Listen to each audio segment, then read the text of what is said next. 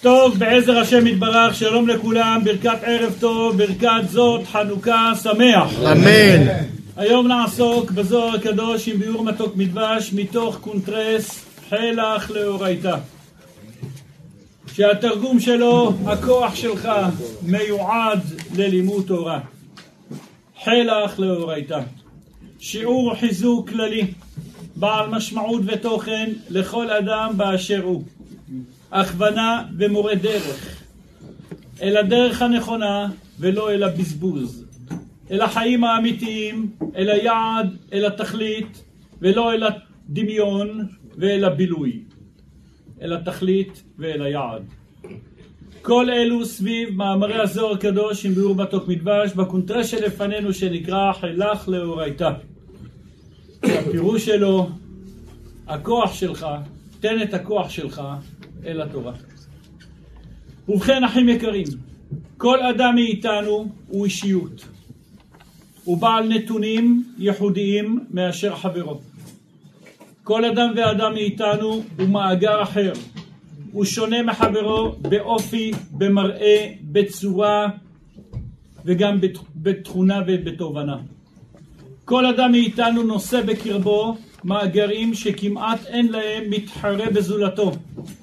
כשם שאין פרצופיהם שווים, כך אין דעותיהם שווים, וכל אדם זה מטען אנרגטי אחר, בעל תכונות ייחודיות שאין אחד דומה לחברו. טבעי ובריא ונכון שכל אדם מאיתנו יממש את היכולות שלו, את התוואים שלו, את התכונות שלו, ויעשה עם עצמו משהו שמתאים לו.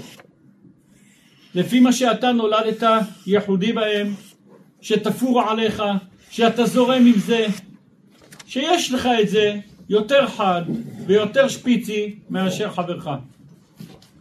אנחנו לא מדברים בשיעור שלנו על אדם מבוזבז שלא עושה כלום. לא מדברים על מסומם, לא מדברים על אדם ששוכב במיטה ולא מדברים על אדם שבכלל רדום.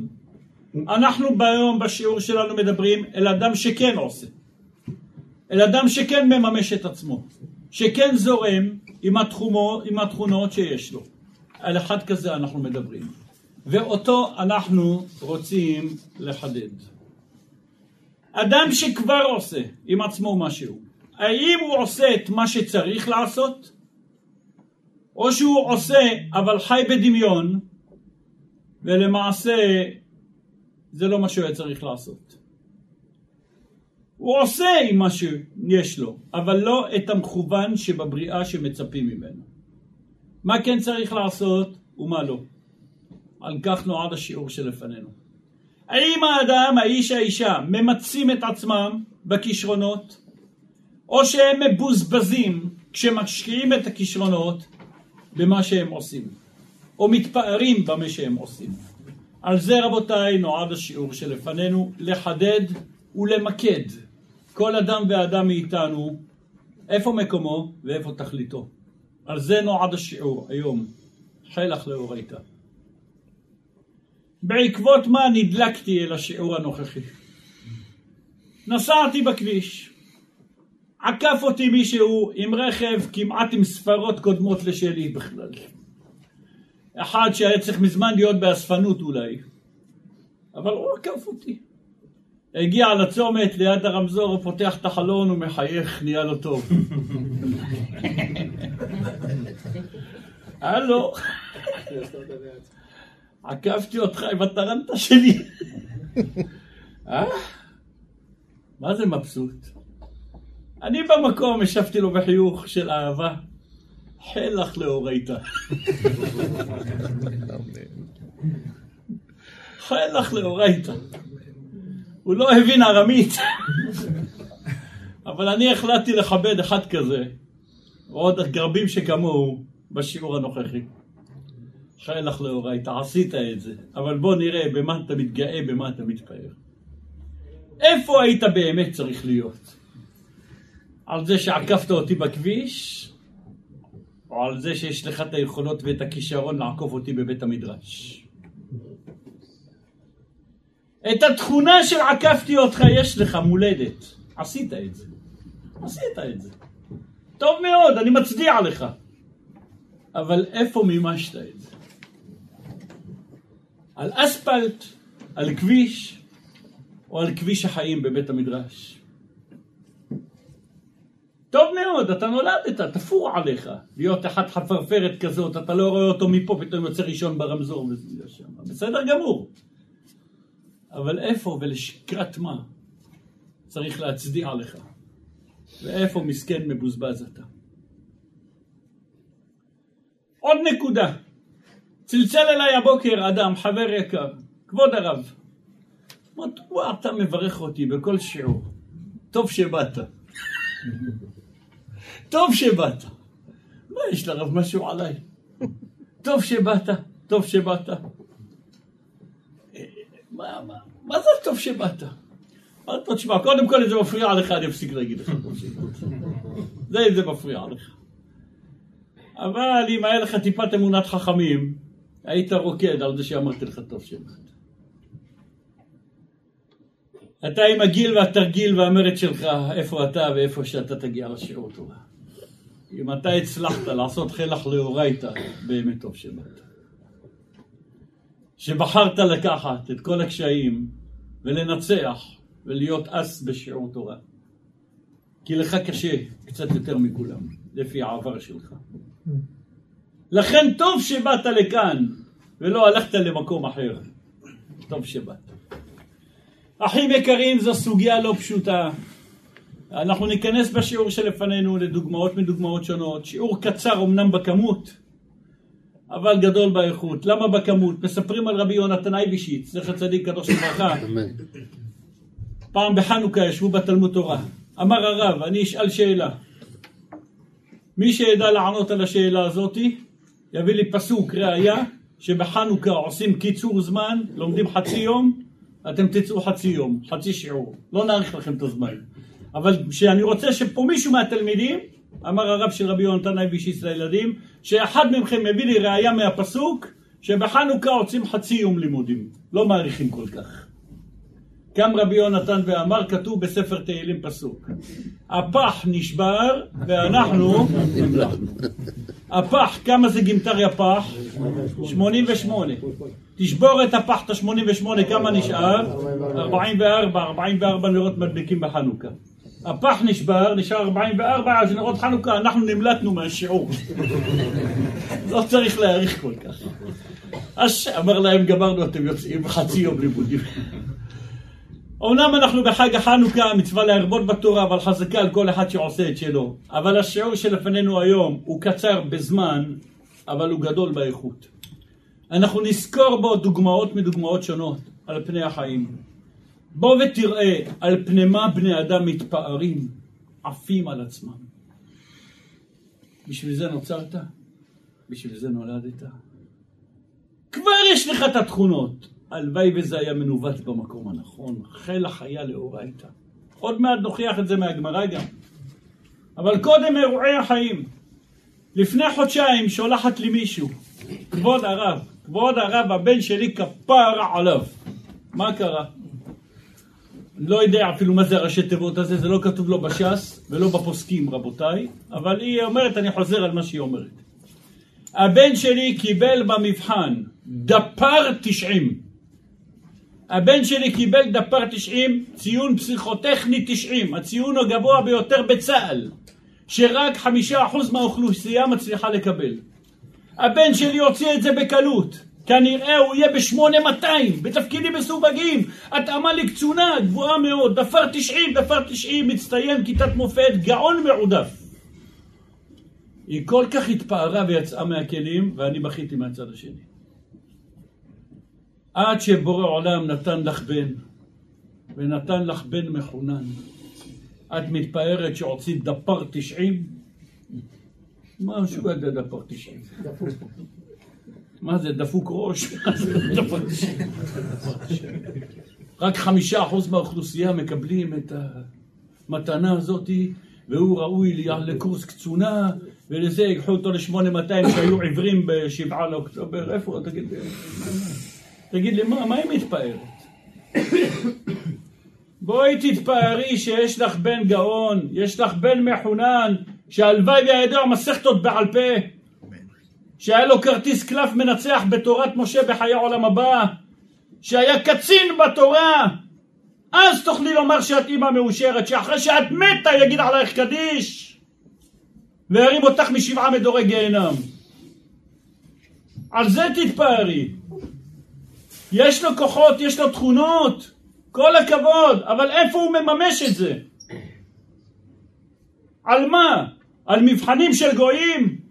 על פסיכוטכני, פסיכומטרי? איפה יש דברים כאלה ביהדות בכלל?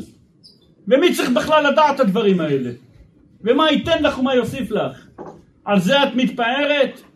נתן לך הקדוש ברוך הוא מתנה בן חד, בין עם שכל, בין עם מוח. על זה תפארתך, תפארת הכסיל. חסרת דעת. חלך לאורייתא, את הכוח הזה, את התכונות האלה, את החדות הזאת, היית צריך לעגן בתכלית של החיים, ולא לבזבז אותם על שטויות ועל הבלים. כנ"ל רבותיי, זה שעקף אותי בכביש, אשריך ואשרי חלקך, קיבלת את התכונה הזאת, תצא כמו חפרפרת לפני כולם, תהיה אחרון, תהיה ראשון. בוא נראה אותך יוצא אחרון מהעבודה ומגיע ראשון לבית הכנסת. שם תעשה ליבי. שם נקרא שניצחת אותי, להיות מעשרה ראשונים, למרות שהיה פקק. ולא סתם על איזה שיגעון גדלות. זו גדולה.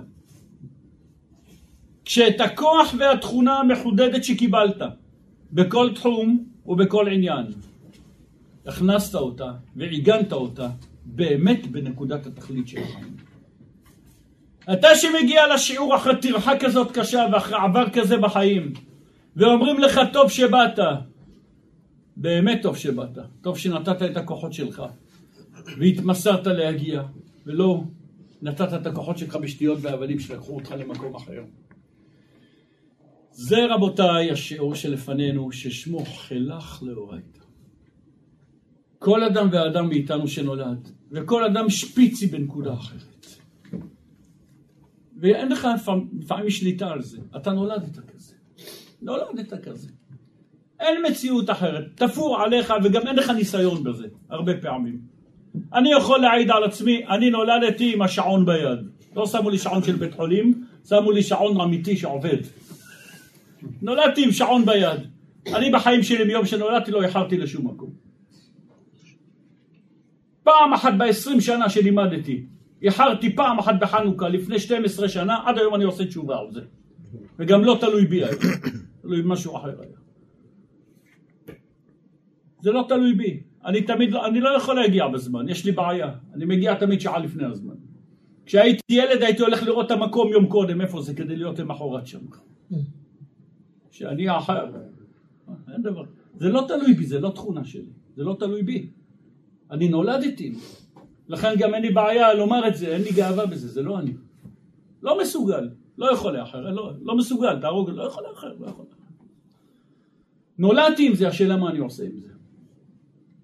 אני הולך עם האי איחור הזה למשחק כדורגל להיות שעה קודם, או אני הולך להיות שעה לפני כן באיזה תחנת דלק או באיזה מגרש לשבת ללמוד עם עצמי, העיקר שאני לא אאחר לשיעור. מה אני עושה עם זה? זה כבר הבחירה שלי. האם את החלח הזה שנולדתי איתו אני נותן לאורייתא, או שאת החלח הזה אני נותן לשטויות והבלים אחרים? יומיים לפני כן נוסע לספרד למשחק שם להיות, שיהיה מוכן ראשון שם. זה הבחירה שלך. איפה תשים את החלח הזה? לאורייתא או לא לאורייתא? וכל אדם ואדם מאיתנו יש לו טבע מולד בדבר מסוים שכמעט אין לך בחירה ושליטה עליו. הוא שפיצי וחד אצלך, ושמו אותך מהשמיים שם. זה המקום שלך, אתה, אתה נולדת, ב... כך בנו אותך מהשמיים. שאלה עכשיו, איפה אתה לוקח את זה? גם אותו בן של אותה אחת שהגיע עם הציונים שלו וכולי, הוא נולד מהשמיים בצורה חדה כזאת. שאלה לאיפה אתה שם את היכולות שלך. ללמוד שטויות והבלים, דפר, דפתר, דפתר, דפתר, או לשים את הראש שלך באמת במעייני החוכמה, בכרטיס כניסה לחיי העולם הבא. שם תהיה חד. לימודים איפה תשקיע? באוניברסיטה שמשמידה את עם ישראל, תרבות הגויים? או את העיון שלך ואת הלימודים שלך תשים במה שהיה טוב לבעל שם טוב, לבן איש חי, לבעל התניא, לבבא סאלי. איפה תניח את המוח שלך? פה או שם? פה תתפאר. אם בחרת לשים את החלח הזה באורייתא, אתה מאושר. אם הראש שלך בסודוקו, בבודוקו, בשניות האלה, מסכן ואומלל. איפה הראש שלך? ותכף רבותיי ניתן דוגמאות מדוגמאות שונות, אבל לפני כן.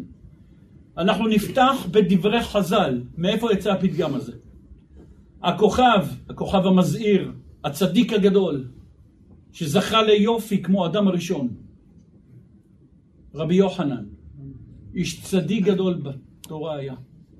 אותו רבי יוחנן, הגמרא מספרת עליו סיפור שתיים ושלוש. אני הדפסתי את זה פה בקונטרס, אנחנו נקרא ביחד. נראה משהו מעובדת חייו. ממנו יצא האמרה הזאתי, מהמעשה המסופר עליו בגמרא. ובכן רבותיי, בקונטרס שלפנינו, בעמוד א',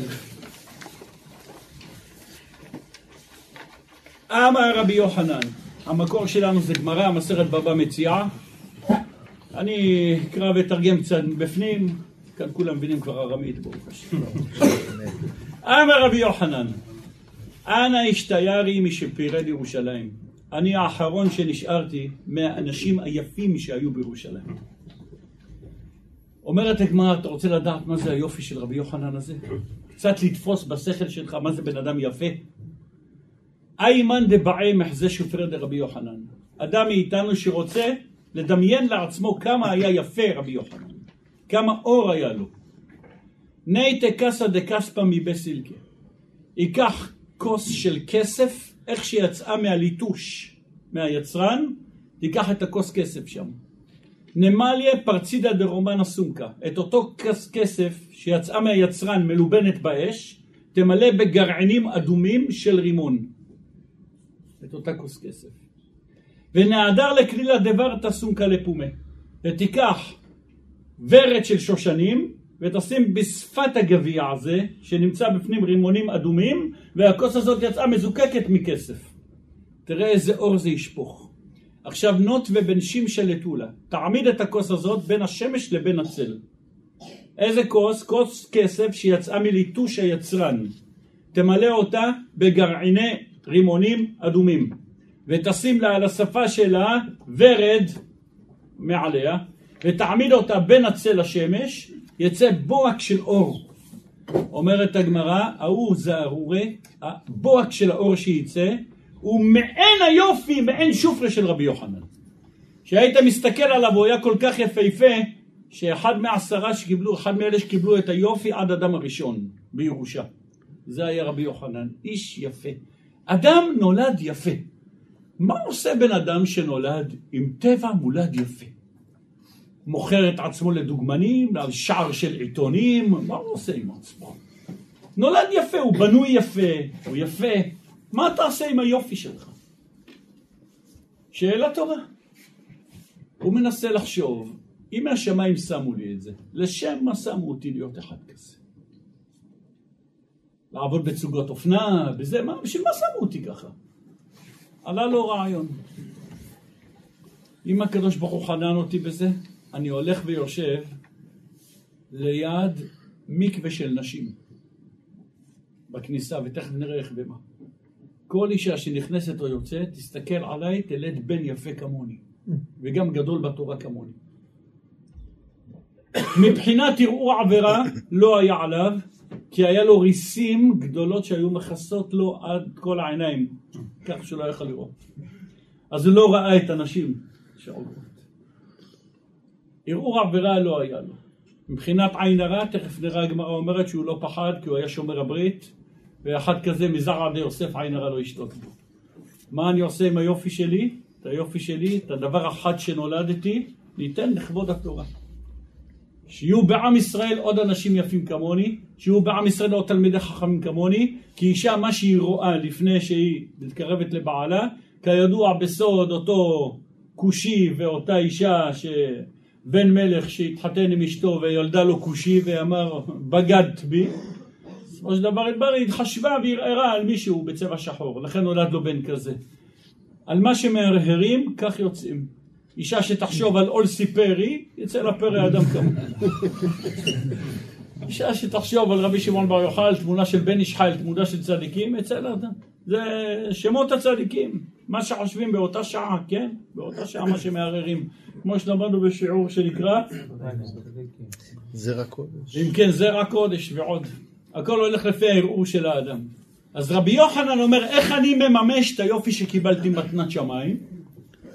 אני גורם שעוד יהודים יהיו יפים כמוני, ועוד יהודים יהיו בעלי חוכמה ותורה כמותי. נקרא בפנים, רבי יוחנן הבאזיל ויטיב השערי טבילה. היה הולך ויושב ליד שערי טבילה של מקווה של נשים. אמר כי סלקן, כמובן לא בתוך המקווה, בחוץ, כן. אמר כי סלקן בנות ישראל מטבילת מצווה, כשעולות בנות ישראל מהטבילה, לפגעו בי, יפגשו בי. כי איכי דלאבו לאו בן שפירא כבתי, כדי שיהיה להם בנים יפים כמוני. גמירי אורייתא כבתי, לומדי תורה כמוני. אמרי לרבנן, שאלו אותו חכמים, למה מסתפה מור מעינה בישה, אתה לא מפחד מעין הרע, הסתכלו עליך, אתה יפה, מה... אמר להו, אנא מזרעה ליוסף כעתינא, דלה שלטה בעינה. בשעה. אני מזרע יוסף, לא דווקא שהוא משבט יוסף, אלא הוא שומר הברית. ושומר הברית לא שולט בו עין הרע. דכתיב בן פורת יוסף, בן פורת עלי עין. כי האדם שומר הברית, שום מזיק לא יכול לפגוע בו. ולא משנה מאיזה שבט הוא. ואדם שלא שומר את הברית, תשים מאה חמסיקות ופרסות של סוסים, ופרסים, שום דבר לא יעזור. שום דבר לא יעזור. תתלה נעליים על האוטו. הרב, לתלות נעל ימנית או נעל שמאלית של תינוק אחרי האוטו חדש. זה לא יעזור, הכל תלוי שומר הברית או לא שומר. רבי יוחנן שומר הברית. מה הוא עושה עם היופי שהוא נולד בו? מנתב אותו למקום אחר, אל דבר תורה. והסיפור ממשיך, הסיפור הידוע והרחב, ופה שורה אחת ממנו. יום אחד, יום אחד, כסחר רבי יוחנן בירדנה. הלך הוא בעצמו לטבול בנהר הירדן. הוא בעצמו. חזי ריש לקיש ושבר לירדנה הבתרי. מעבר לירדן עמד ראש הבריונים, היהודים, ששמו היה ריש לקיש. עכשיו הוא רואה אותו מהצד השני, רבי יוחנן עומד פה, ראש הבריונים עומד בצד השני. מה עושה ריש לקיש? חזי ריש לקיש שבר לירדנה הבתרי. קפץ מעבר הירדן מפה לצד השני לרבי יוחנן. למה הוא קפץ? מה חשב? בחורה. רואה אותו רבי יוחנן, אומר לו כוח כזה לקפוץ? חלך לאורייתא. יש לך כוחות כאלה? ראית אובייקט, משהו, נדלקת עליו, אתה לא רואה את הדרך? מתאים שתעשה את זה לתורה. תשמע, יש שיעור, לא מעניין אותך פקק, לא מעניין אותך סוגרים ארבע שלוש אחד.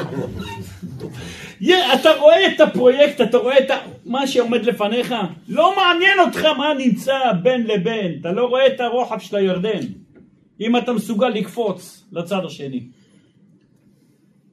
לכן את הכוח הזה שיש לך, במקום לי על בחורה לשים את זה, לקפוץ מצד לצד ולא לראות את הדרך, היה יותר מתאים שתנווט את הכוח הזה לדבר מצווה, לתורה, שאם צריך לעשות משהו, שום דבר לא עומד מול עיניך. כך אומר מי? רבי יוחנן למי? לריש לקיש, ראש הבריונים. ויש לו גם על מה לומר, כי רבי יוחנן בעצמו היה דוגמה אישית. הוא בעצמו הרי היה יושב בשערי טבילה כדי את הכוח שלו ואת התכונות שהוא נולד בו, שיראו גם אחרים ויעשו כמוהו. לכן דבר שאתה נוהג בו, אתה יכול לומר לאחרים וזה יתקבל. דברים היוצאים מן הלב, נכנסים ללב. איזה לב? של בן אדם שעושה. כי אם אתה לא כזה ואתה מבקש מאחרים לעשות, אבא שאומר לבן שלו יב איבני, כפר עליק, אל תעשן. אל תעשן, זה לא בריא. ואבא בעצמו מעשן. תגיד לי, זה יתפוס? אבל אבא שבעצמו הפסיק לעשן. ואומר לבן שלו, זה יתפוס. כדי שמישהו יתפוס ממה שאתה אומר, אתה צריך בעצמך להיות כזה. רבי יוחנן היה כזה, הוא בעצמו. רבי יוחנן בעצמו הרי הביא דוגמה אישית, חלח את היופי שלו מה נתן? לתורה. לא ישב לעשות תסוגה מעצמו, אלא לבנות ישראל כדי תלמידי חכמים, יפים וכולי. גם כאן הוא בא ואומר לריש לקיש את הכוחות המולדות שנולדת. להיות אתלט כזה, חזק כזה, לקפוץ מקום למקום, לך תשקיע בדברי תורה. אל תראה דרך, אל תראה כלום. תראה רק את המטרה שיש. אומר לו ריש לקיש, אני נולדתי עם טבע מולד של לקפוץ מפה לפה. ואתה רבי יוחנן נולדת עם טבע, טבע מולד של יופי. ויופי מתאים בגבר למי? לנשים. אמר לו רבי יוחנן, זה מה שאני עושה. יושב בשערי טבילה. אמר לה, אומר איש לקיש לרבי יוחנן, שופך לנשה. היופי שאתה נולדת איתו רבי יוחנן, מתאים לנשים, למשיכת נשים. רבי יוחנן אומר לו, זה מה שאני עושה. כן, זה מה שאני עושה.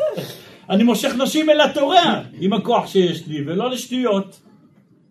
אמר לי, אומר לו, תשמע, אי הדרת בך, אם תחזור בתשובה, אני אתן לך את אחותי, יאהב לך אחותי לשפירא מנהי. אתה ריש לקיש עם הראש שלך, אם תחזור בתשובה, יש לי אחות יפה. תן לך את אחותי. קביל עלה, הוא קיבל. קיבל לחזור בתשובה. ואז ייתן לו את מה? את אחותו של רבי יוחנן. אם נתן לו או לא נתן לו, אני לא יודע, כמו שלמדנו בשיעור שנקרא... אה? סוד הסביבון. יכול להיות ששחק איתו. לא, אני אתן לך את אחותי, אבל קודם כל תחזור בתשובה. עכשיו חכה. וייתכן שנתן לו, אבל ייתכן שגם לא נתן לו. העיקר בוא תביא אותו אל היעד, סוד הסביבון תעשה לו. בסופו של דבר חזר בתשובה, בא אליהם מעדר להטו ימנה ולמצה. קיבל על עצמו, רק קיבל על עצמו לחזור בתשובה, רצה לקפוץ עכשיו חזרה להביא את הבגדים שלו ריש להקיש ולא היה יכול. כל הכוח של היצר הרע שקפץ מצד לצד, נעלם. הדר הקריה לקח אותו רבי יוחנן את ריש לקיש, לימד אותו תורה, והתניא ושווה גברי רבה, ועשה אותו אחד מהאמוראים בגמרא. החזיר אותו בתשובה שלמה. זה המקור, רבותיי, בגמרא, לאמרה, חלך לאורייתא. חלך לאורייתא. את הכוח שנתן לך הקדוש ברוך הוא, כל אדם בתכונותו, יופי, כל אדם, כל אדם שנתן לו הקדוש ברוך הוא. לך שים את זה במקום תורני. זה היעד. זה החוכמה. אגב, בענייני העולם הזה, מה שיש, בסדר, אשתך תהנה ממך, אתה ממנה, לא משנה מה, אבל זה לא העיקר. העיקר איפה תכניס ותעגן את הדבר הזה במקום תורני. חז"ל באים ואומרים לנו, תדע כלל גדול, כל אדם מאיתנו צריך לייעד את עצמו במה שיש לו אל רוחניות. אל התכלית, אל הרוחניות, ולא אל אבלי העולם הגשמיים, ואנחנו נבער. יש אחד, ניקח דוגמאות קצת מהחיים שלנו, מהעולם שלנו. יש אחד אחת, נולדה עם תכונות של מלצרית. מישהי קטנה כבר בגיל ארבע אוהבת להגיש לאחרים. גדלה, קיבלה תכונות של מלצרית. אתה לא יכול לשבור לאדם טבע מולד, כמו שלמדנו בשיעור שנקרא חנוך. חנוך לנהר. טבע מולד זה טבע מולד. ילד שנולד והוא לא זז בלי צבעים, אתה לא יכול להגיד לו אתה לא תקבל צבעים. אתה תיתן לו צבעים ותשלח אותו גם לחוג לציור. תלמד אותו שלא מקשקשים על קירות, לא מקשקשים, תן לו בריסטולים, תעגן אותו, תסדר אותו, תנווט את התכונה המולדת אל המקום הנכון שצריך להיות. גם אותה אחת שנולדה עם תכונות להיות מלצרית, אין שום בעיה. היא גם תעבוד עם זה בחיים שלה. הבחירה שיש לך, האם חלך לאורייתא או לא. את הולכת להיות מלצרית במקומות חרדיים, את הולכת להיות מלצרית במקומות של שמחות, הולכת להיות מלצרית במסעדות. שכולם סביבך וכולי. איפה את נותנת את הכוחות ואת המשאבים הייחודיים שקיבלת? איפה? רבים עלייך, מי ייקח אותך בתור מלצרית? כי יש לך את זה, את נולדת עם זה, גם אין לך בחירה על זה. אבל השאלה איפה אתה שם את זה. פדיקוריסטית, עשר, אשרייך, אין עלייך, זאת לא סופרת אף אחת. הכל מצוין. שאלה איפה את שמה את זה. האם את מטפלת בכלות או בנשים נשואות, צנועות חרדיות, או שאת מחליטה בשביל הכסף והביזנס לייפות מטומטמות, מסכנות, שהולכות לדבר עבירה. איפה חלח? את הכוחות שנתנו לך מהשמיים לאורייתא, לייפות אישה לבעלה, לייפות כלה לבעלה על פי התורה, או, נכון, זה תלוי אה, במגורים חרדיים, באזור חרדי, במקום. נכון. צריך אדם לשנות את מהות חייו ומהותו ומקומו לקראת היעד שבו הוא נולד. אז תעברי למקום אחר, תעשי למקום אחר, זה מה שצריך לעשות. אתה בעל דפוס, נתנו לך מכונות, מכשור, אתה מתפאר וגם עושה פרסומת, רבותיי, בדפוס הזה הדפסתי את ספרו של, איך אמר לי מישהו, ספרו של ראש הממשלה, מנהיג הדור של השואה בדור האחרון, שהוציא ספר לפני שנה. בדפוס הזה שלי, עם הכלים שלי, הדפסתי את הספר שלו. זה התפארת שלך? שבדפוס שלך יצא הספר יומן חיים, שבדורו ובממשלתו הביא את השואה על עם ישראל, מה שלא היה דורות? של כופר,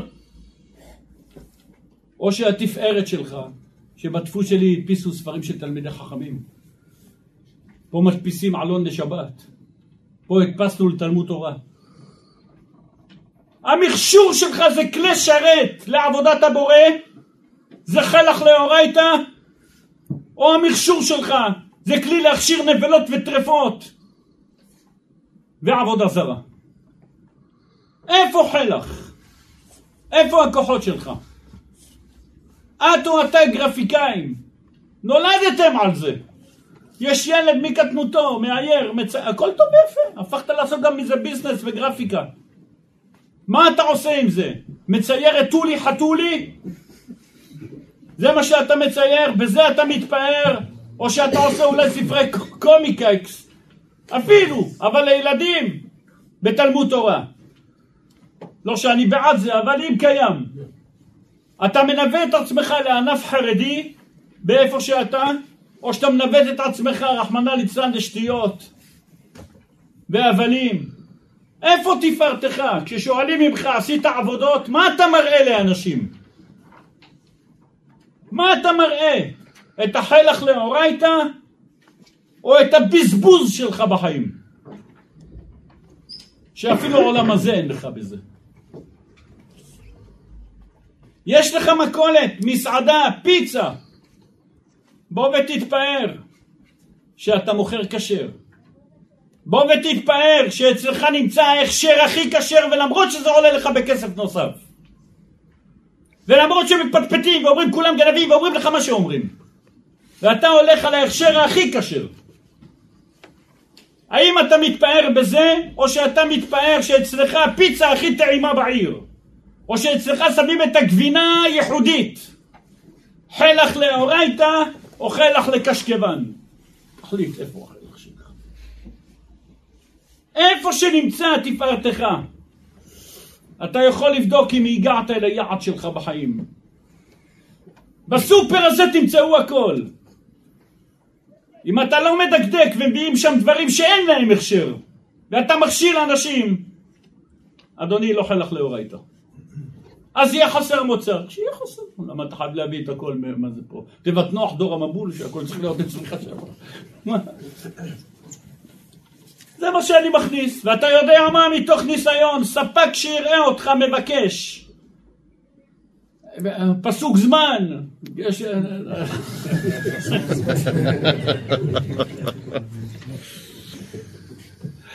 טורטית, פסוק זמן, יושב על הרבע, כל הדברים האלה.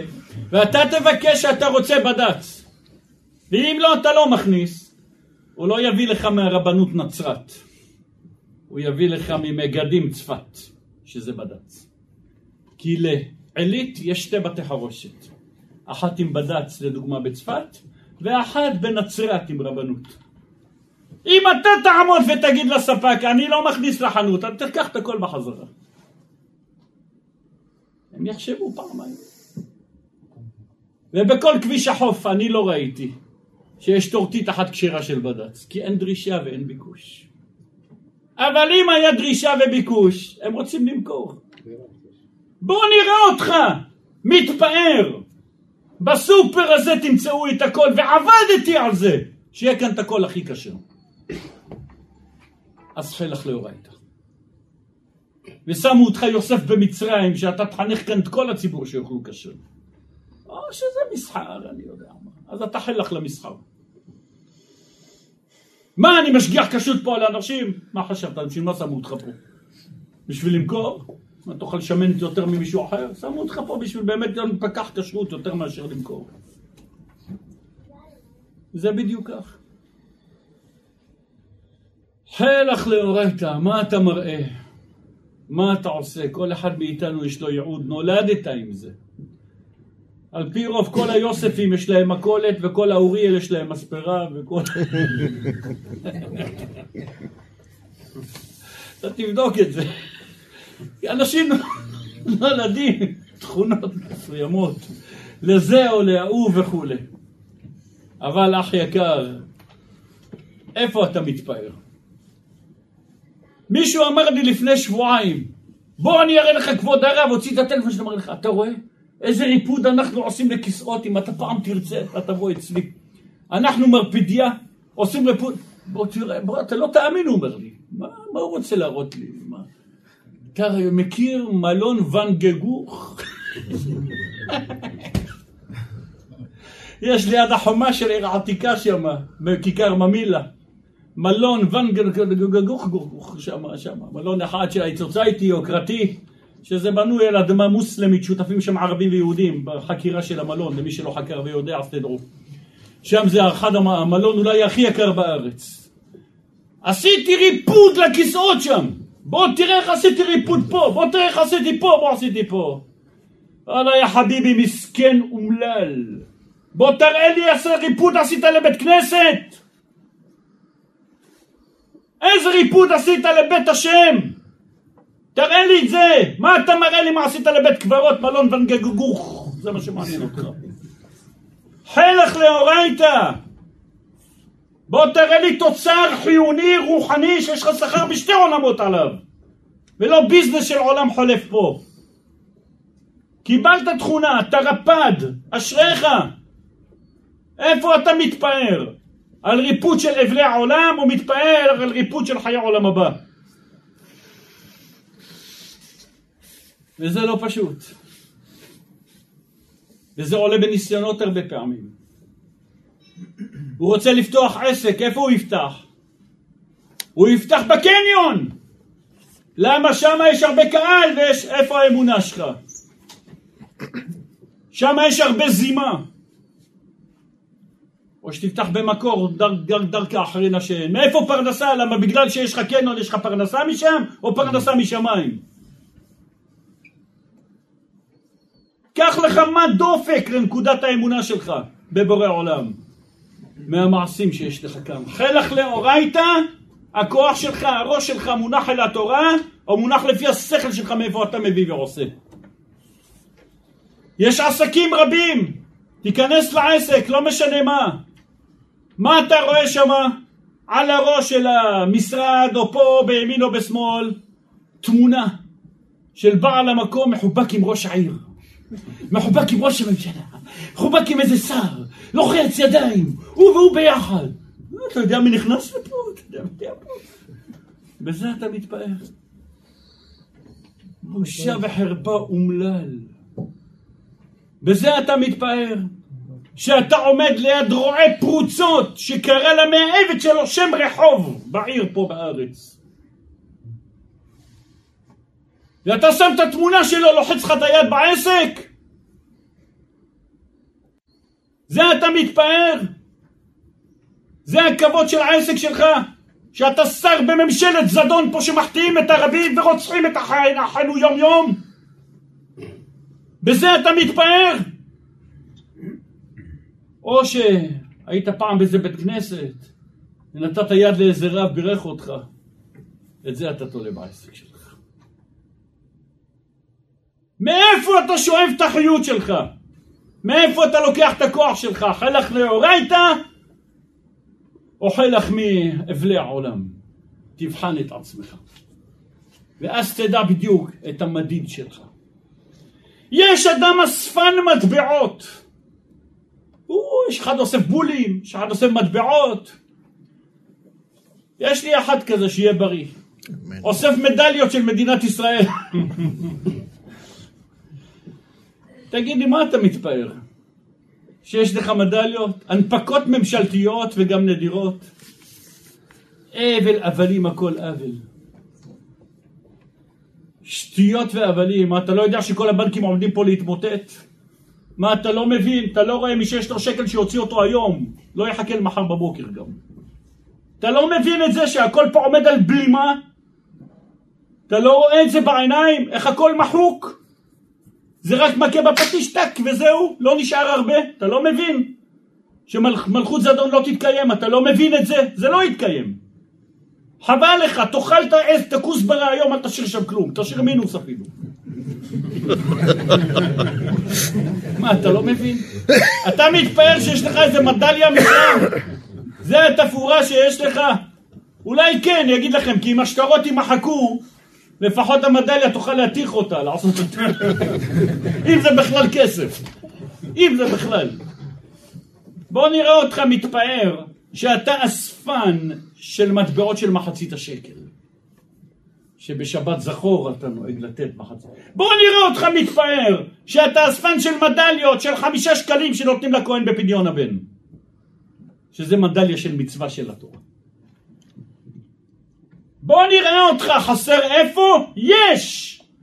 מה שאסרתי לך, התרתי לך פה. אסרתי לך בשר בחלב, התרתי לך כחל.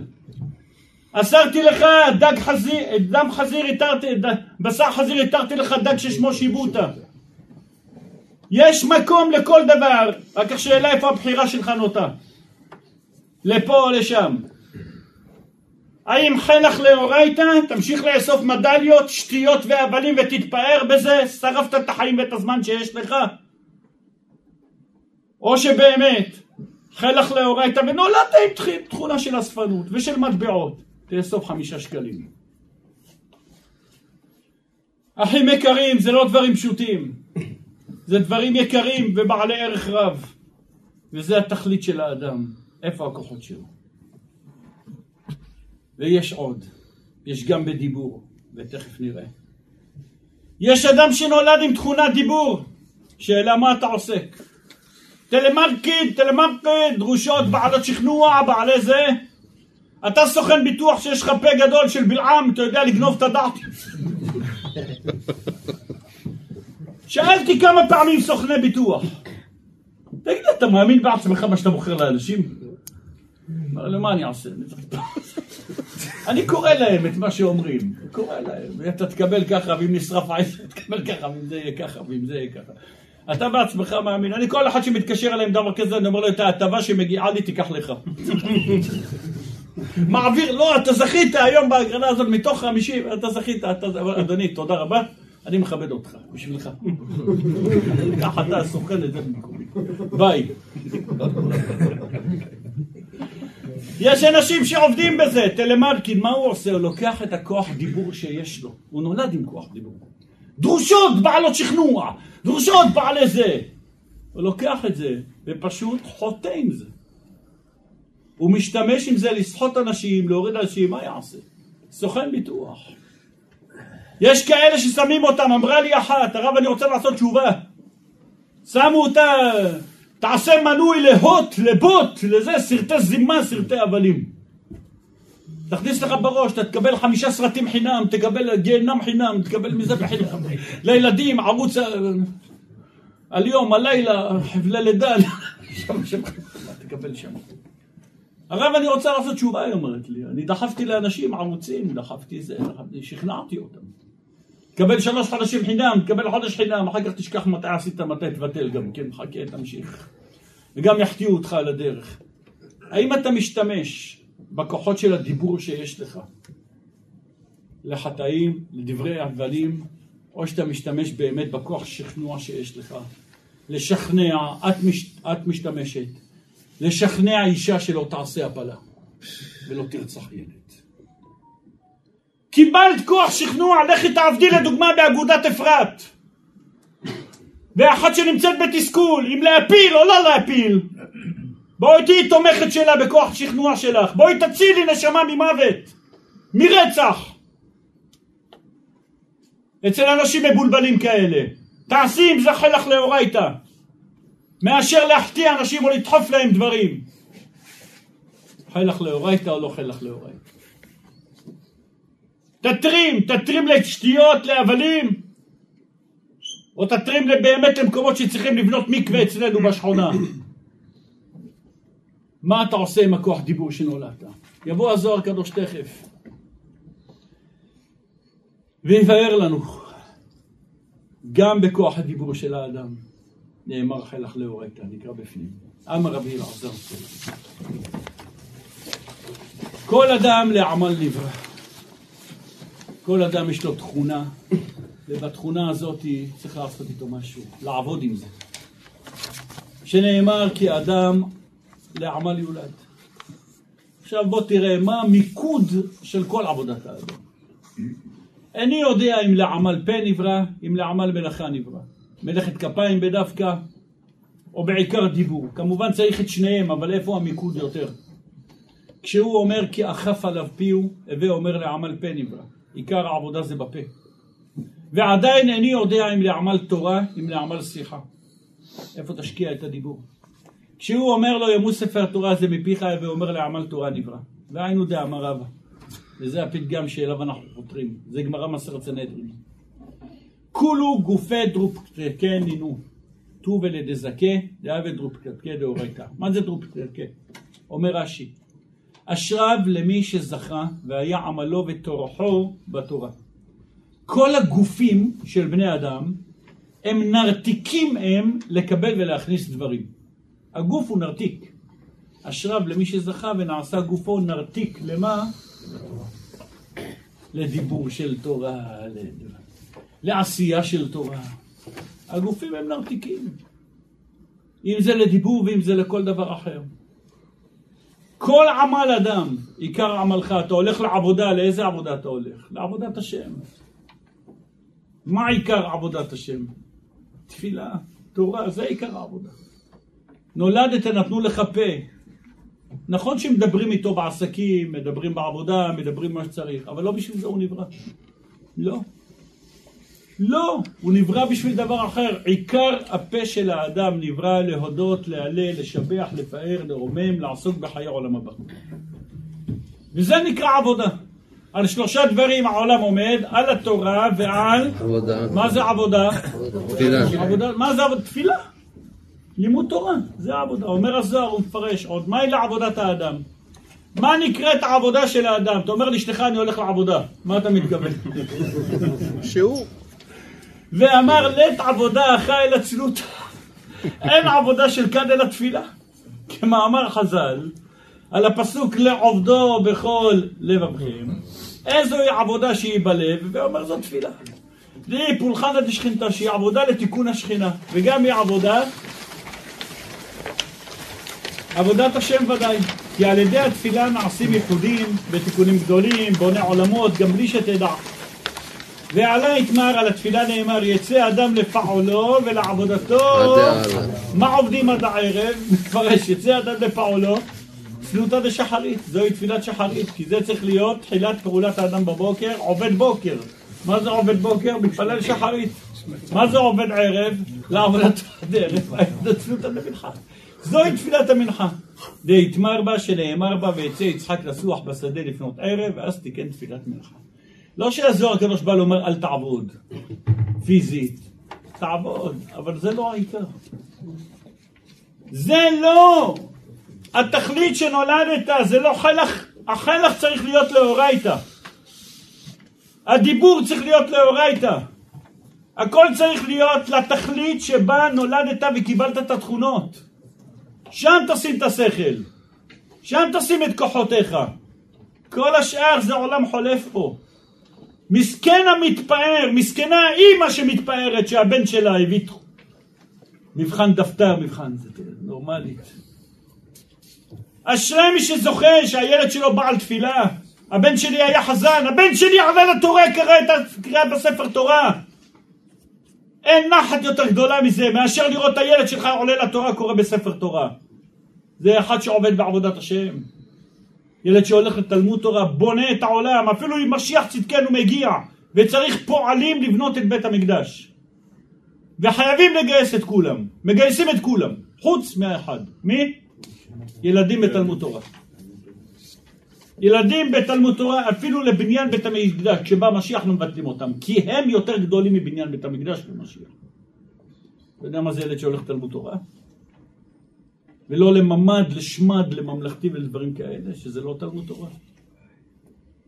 זה ילד שבאמת מנווט אל חלח לאורייתא. ואתה בתור אבא ואימא צריך לשים את כל כוחך שזה יקרה. כי זה התכלית של החיים. בשביל זה נולדת, והבן הזה יתקן אותך, ויתקן את האמא, ויתקן את כל המשפחה. בצורה כזאת. כמה הורים לא ידעו בכלל מושגים ביהדות. פתאום הילד חזר מהגן, הילדה חזרה מהגן, לא, לא, לא יודע מאיפה הם מביאים את הדברים האלה. ומגיע גם גיל שהוא חייב עכשיו לשבת איתו, קורא לו משניות. דבר זה, הילד הזה פה פתאום. אבא מתבייש. אני מכיר הורים שלקחו חברותא, אבא לקח חברותא ללמוד גמרא, למה הוא מתבייש מהבן שלו. הבן שלו נתחיל לקרוא לו פתאום, טניה, עם רבי, עשית אותי, יש לו, אני יודע, רב שטרן בצבא, יש לו עלי גפנים, יש לו זה, קציצות פלאפל על הידיים, בא הביתה, אין לו כלום, אז כזה גדול בחוץ ואפס בבית. מתבייש, באמת לתכלית. זה באמת התכלית. הילד יחזיר את האבא בתשובה. חיי עולם הבא. מה תפארתך? מה מעשיך? אז מה יהיה אבל עם העבודה, אם ראש, אם הראש שלך מונח בשחרית מנחה ערבית, תגיד למי נשאר כבר זמן לעבוד? קם בבוקר, הולך כל פעם שחרית. חכה, לא דיברנו על חנוכה, שתי ספרי תורה אם זה ראש חודש. שני חמישי, הללים פה, כל יום שני, כל פעם יש לך פה עוד איזה אריכות בתפילה, מפה, משם, מנחה ערבית, יעלה ויבוא, על הניסים, על הזה. אז מתי יישאר זמן לעבוד כבר, תגיד לי, אתה... ואם פספסת את המניין הראשון, למניין השני, הלך היום. יבוא אז הקדוש ויגיד לך, אחי תירגע. אם אתה הולך לעבודת השם, כל שאר הדברים שאתה עושה מעבר לזה, שהם לא העיקר בחיים, אבל צריך לעשות משהו, יש בהם ברכה. כשחלך לאורייתא, אתה נוגע בקצת בדברים אחרים, יש ברכה. הכל מסתדר, אתה לא צריך לחזור פעמיים, אתה לא... המכונת כביסה לא מתקלקלת 40 שנה. הדוד שמש מחזיק מעמד עם החלודה אפילו מעליו, לא יודע, לא יודע אפילו מה זה טכנאי, אתה לא יודע. חוסכים לך מהשמיים בהזמן, כי הזמן שלך מוקדש לדברים אחרים, אין לך זמן ל... אתה חי לך לאורייתא, מה, מה צריך לה... המבוזבז ממילא, כל הבוטל בדברי תורה, יש בטלים הרבה כנגדו. החלטת לא לבוא לשיעור, נופלים עליך אלף פרויקטים שלא היו ולא נבראו מאיפה באו עליך. אם היית בא לשיעור תורה, לא היו צצים כל הדברים האלה. כל הבוטל מדברי תורה, יש דברים, בטלים רבים כנגדו.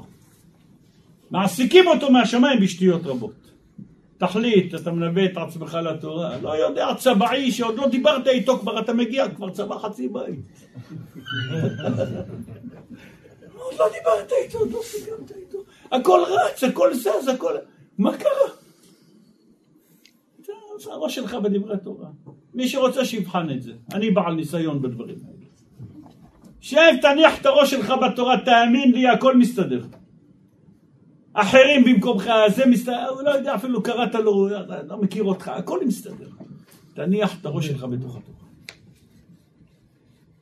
אומר הזוהר הקדוש, נקרא את זה בפנים. מה שכתוב, מאדוני מצעדי גבר קוננו. איזה מאמר מתוק, צריך לדעת אותו בעל פה. היינו אי ברנש ישווה דעתה ורעותה וליבה לגבי מלכה קדישה. אם האדם ישים דעתו ורצונו ולבבו לעשות את צונו של המלך הקדוש ברוך אז אל תצטער שהיית צריך ללכת גם לעבוד, מה שאתה עובד. גם בזה יש עבודת השם. למח בתר רוחד יהיו עבד, ללכת בכל דרכיו שהוא עושה בעצמו אחר דרכי הקדוש ברוך הוא. אז קודשא ברוך הוא יתראה בה כאילו הוא דילה ממש. הקדוש ברוך הוא מרוצה גם בדרכי האדם כאילו הם דרכיו ממש, גם כשהוא הולך לעבודה הפיזית הקדוש ברוך הוא שמח. כי אם האדם ישן כדי שיהיה לו כוח להשכים לעבודת השם, וכן אם הוא אוכל כדי שיהיה לו כוח לעבוד הקדוש ברוך הוא, וכן כל שאר צרכיו שעושה לשם שמיים, כולם נחשבים לעבודת השם. איפה שאתה לא שם יד, איפה שאתה לא נוגע, הכל בעזרת השם נקרא עבודת השם. גם בחלק שאתה לא חלק לאורייתא. כרגע אתה לא בתורה בדיוק, אתה כרגע כן יצאת לעבודה פיזית, גם זה תורה. כי אם לא היה לך את זה, איפה הראש שלך היה מונח? וגם כשאתה שם, מה אתה מתכוון? בשביל מה אני עובד? התחייבתי לפרנס בכתובה אישה, ילדים, רצון השם יצא אדם לפעולו ומלאכתו עד רצון השם לעשות. כמו שאמרנו בשיעור אדם לעמל יולד ובשיעור מלאכת קודש. שכל אדם חייב לעבוד, חייב לעבוד פיזית, חייב לעבוד. אלא אם כן אתה בבא סאלי או רבי שמעון. אם אתה לא במצב כזה אתה חייב, ואם אתה בחור אתה חייב שבע חייבים לעבוד. ואתה צריך לעבוד עד שלא יש לך זמן לנשום חוץ מלכת לשדכנים. אם אתה בחור, אתה חייב לעבוד, שלא יישאר לך זמן לנשום. אין חופש, אין כלום. נקודה. כי אם יישאר לך זמן, תעשה שטויות. ותעשה חטאים. ולדכא את המרץ של השטויות והחטאים, תעבוד. תעבוד ותזיע ולא יישאר לך זמן לנשום. אם אתה בחור או את בחורה. כי הבטלה מביאה לידי זימה וזימה מביאה לשם. וכך צריך להיות, כמו שלמדנו בשני השיעורים האלה. אם כן רבותיי, למדנו והבדנו. כל אדם צריך למקד את עצמו אל הנקודה התכליתית במה שהוא נולד, אבל למה שבאמת רצון השם שהוא יעשה. אל התכלית האמיתית של עבודת השם. זהו כלל גדול וזה חלח לאורייתא. ואנחנו נלך עוד יותר עמוק ועוד יותר פנימה קצת. לא עמוק, אבל יותר פנימי. יש אדם שאומר לך, אני כבר עושה מצוות. אני כבר כן עושה עבודת השם, וחלק כן לאורייתא. מה נראה לך, אני מתעסק בעיתונים? אני, ספרי תורה אני עושה.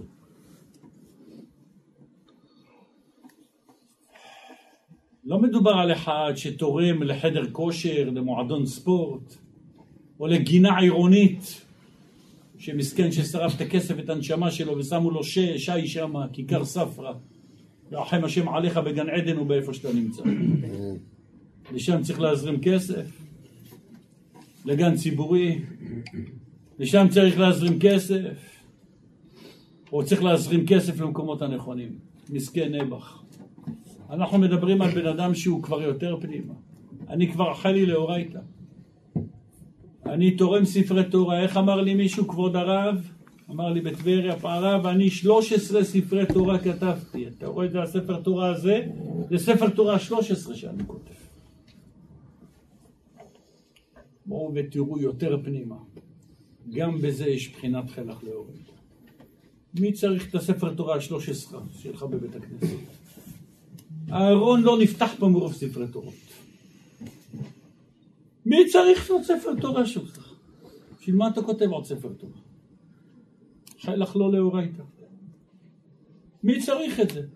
אם כתבת ספר תורה לאיזה מושב, לאיזה ישיבה שנפתחה, שאין שם בכלל ספרי תורה. חילך לאורייתא. את הכוחות שלך, את התכונה שלך לכתוב ספרי תורה, מיקדת במקום הנכון.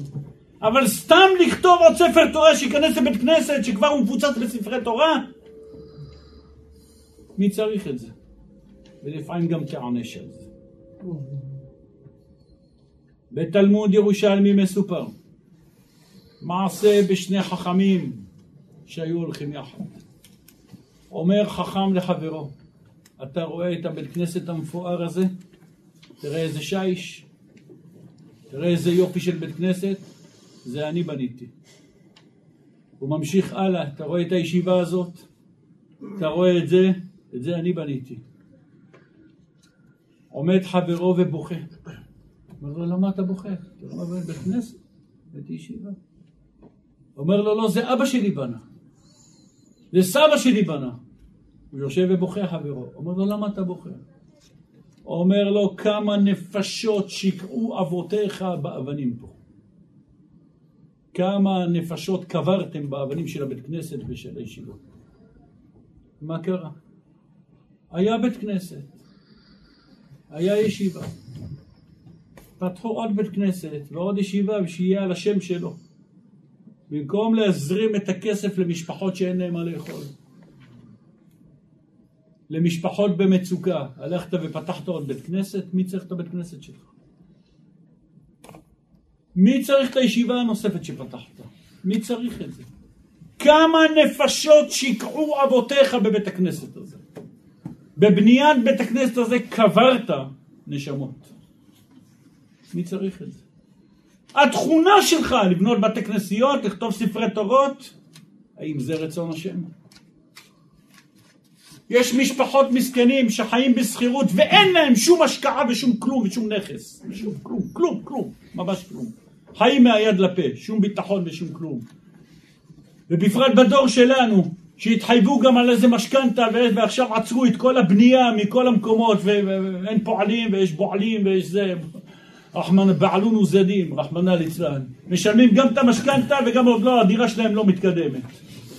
כמה כאלה אומללים ומסכנים יש? אין להם כלום, אין להם ממש לשים אוכל לתוך הפה שלהם. אתה הולך עכשיו תורם עוד ספר תורה?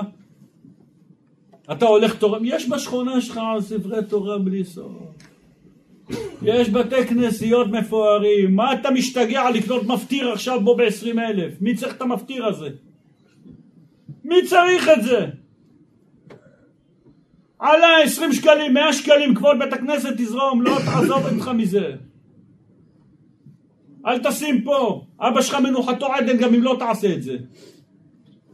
וזה נקרא חלח לאורייתא או לא חלח לאורייתא. איפה אתה מונח? איפה ראשך מונח? לעשות את זה. הדברים הם פנימיים רבותיי ופנימיים פנימיים.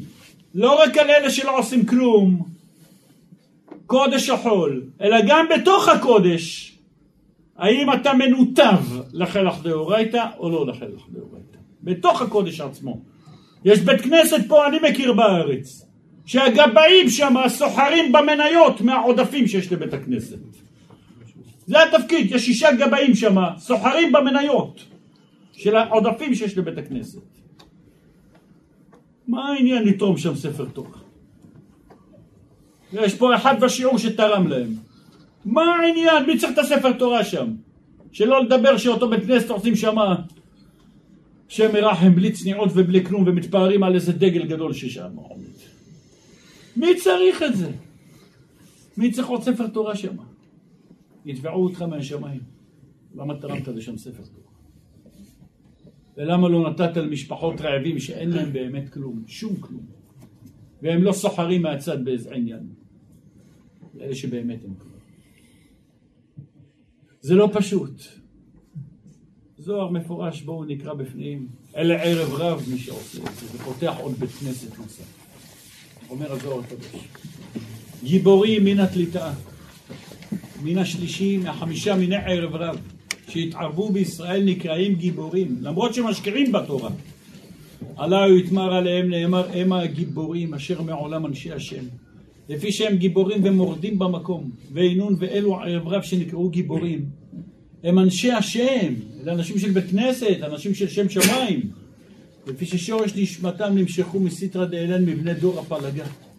להתמר בהון אבה נבנה לנו עיר ונעשה לנו שם. למה פתח בית כנסת? שיהיה על השם שלו.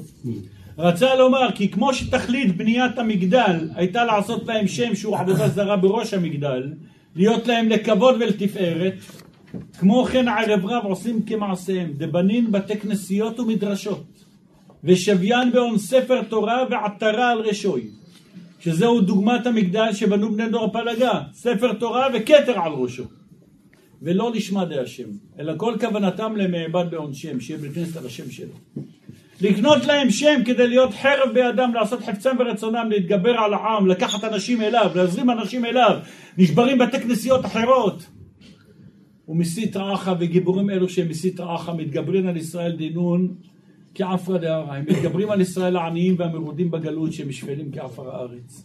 וגזלינון גוזלים וחומסים את ממונם וגם שוברים עניינים של אחרים ותיקים והתברת עבידתה ועל ידי זה מתבטלת עבודתו יתברך אצל ישראל מרוב הצרות אשר הם מצערים אותם ובזה נקראים הערב רב מורדים במקום והם הגורמים להתגברות הטומאה למרות שהוא מתעסק בדברי תורה חלך לא לאורייתא ואמר הנה מה שכתוב אבא ונבנה לנו עיר אם ראית גבאי כזה, או אדם שפתח בית כנסת כזה, יבוא הזוהר ויגיד דברים שאם הם לא היו כתובים לא היינו יכולים לומר. הנה מה שכתוב, הבה נבנה לנו עיר ומגדל וראשו בשמיים ונעשה לנו שם. הוא מפרש אלינו דבונים בתי כנסיות ובתי מדרשות מממון הון. אלו הם הבונים בתי כנסיות ובתי מדרשות מאיפה? מהכסף האישי שלהם, אבל בשביל לעשות להם שם. וכולה למעבד לעונשם, הכל עושים למען לעשות להם שם טוב, על אבא שלו, על סבא שלו, על השם עצמו. מי צריך את זה אבל? יש מספיק. ולא לשמה די השם, ולא לשם השם. איי אי הוא גייפה, איש זר שראית שפתח בית כנסת כזה, הוא נואף. תבדוק אחריו. דיוקנא דחמור נואף יהיו. צורת חמור יש לו, לפי שהוא נואף. רצה לומר, זכה הרעות, רואים עליו צורת חמור. הסתמר ברתח ויתתח מניהם יהיו אושפיזך. תשמור את ביתך ואשתך ממנו אם יהיה אורח שלך. מי הגבאי בית כנסת זה שהקים בית כנסת? אוי ואבוי, בא אליך גם... נואף, תגיד לאשתך לכי למטבח, אתה שלך תעלי למעלה. אבל לגבי שאתה בית כנסת בא. מי צריך את הבית כנסת שפתחת? מי צריך את הספר תורה שהוספת? חלח לאורייתא, לא לאורייתא, למרות שזה ניתן לשם תורה. תראו רבותיי כמה זה דק ועדין. זה לא פשוט. וכמה צריך זהירות שבן אדם ינותב לא רק בין קודש לחול, אלא בתוך הקודש יש גם חול. ואיך צריך את הסינון הפנימי גם כן שמה. שאת התכונות שקיבלת, לייפות בתי כנסיות, לבנות, את מה שקיבלת לתרום ספרי תורה, גם בתוך הקודש, תשים את זה בצורה הנכונה. ויש דבר גם אם אתה לא גבאי. אתה בן אדם פרטי. בואו נראה איפה חלח לאורייתא. אתה קיבלת תכונה של דיבור של אהבת ישראל. מה נשמע החיים? מה העניינים? מה נשמע? איך בבית? הכל טוב ויפה. אדרבה, למען החי, חי ורעי, אדברה נא, שלום בך. פגשת מישהו, דבר איתו שלום. מה נשמע? מה העניינים? לפעמים דיבור של בן אדם מרים מישהו. הכל טוב ויפה. אבל איפה אתה מנתב את זה וחלח לאורייתא עם הדיבור הזה, שלום מה נשמע? או איפה אתה הורס את כל התפילה ואת כל בית הכנסת עם השלום מה נשמע? איפה? שאתה פוגש את החבר שלך ברחוב, שנפגש איתו בבית, ואתה שואל בשלומו, מה נשמע אחי, מה העניינים, איך הבריאות, מה עם הילד, מה עם זה, זה מצוין וזה חובה, ואשריך ואשר חלקך. השתמשת בכוח הדיבור שלך חילך לאורייתא. אבל אם בשעה שמוציאים ספר תורה בבית הכנסת או מתפללים בשבת, אז אתה מפטפט עם החבר, אתה מגרש את השכינה מבית הכנסת. החלח הוא לא לאורייתא. הכוח הדיבור והשלום, מה נשמע פה, לא עושה טוב, הוא הורס, נקרא בפנים. כיוון דעלו עמא קדישא לבקנישתא כיוון, עמוד ג', כיוון שנכנסים עם הקדוש לבית הכנסת, אסיר להשתדלה אפילו בצורך בקנישתא. אסור לעסוק אפילו בצורך בית הכנסת, כלומר אפילו בצורכי רבים. קל וחומר ביום שבת שהוא יום של הנשמות. לכן אין לעסוק אלא במילי תושבחן וצלותא דאורייתא. אלא בדברי תשבחות של פסוקי דזמרה ותפילת יוצר דמיושר ותפילת העמידה וקריאת התורה. כדי כך הזלון, כמו שראוי לבני ישראל לעסוק בשבת. ומאן דהשתדל במילין אחרנין במילין דעלמא. מי שמשתדל בדברים אחרים שאינם צורכי מצווה, וכל שכן בדברי אבלי העולם שהוא חמור יותר. דאי הוא ברנש דקה מחלל שבתא, לט לחולקה בעמד ישראל. זהו אדם שהוא מחלל את השבת בתוך בית הכנסת, לכן אין לו חלק בעם ישראל. טרן מלאכין ממנן על דא ביומא דשבתא, שני מלאכים ממונים על זה הדבר ביום השבת. ואינון שבון ידעון על רשע, הם שמים ידיהם על ראשו של אותו בן אדם. ואמרי וי לפלניה דלת לחולקה בקודשה ברכו. אומרים אוי לפלוני שאין לו חלק בקדוש ברוך הוא. ועלדה באל השתדלה בצלותה בשירים תושבחן דמרעון להשתדלה באורייתא. על כן בשבת צריכים להשתדל בתפילות, שירות, תשבחות של הקדוש ברוך הוא לעשות בתורה.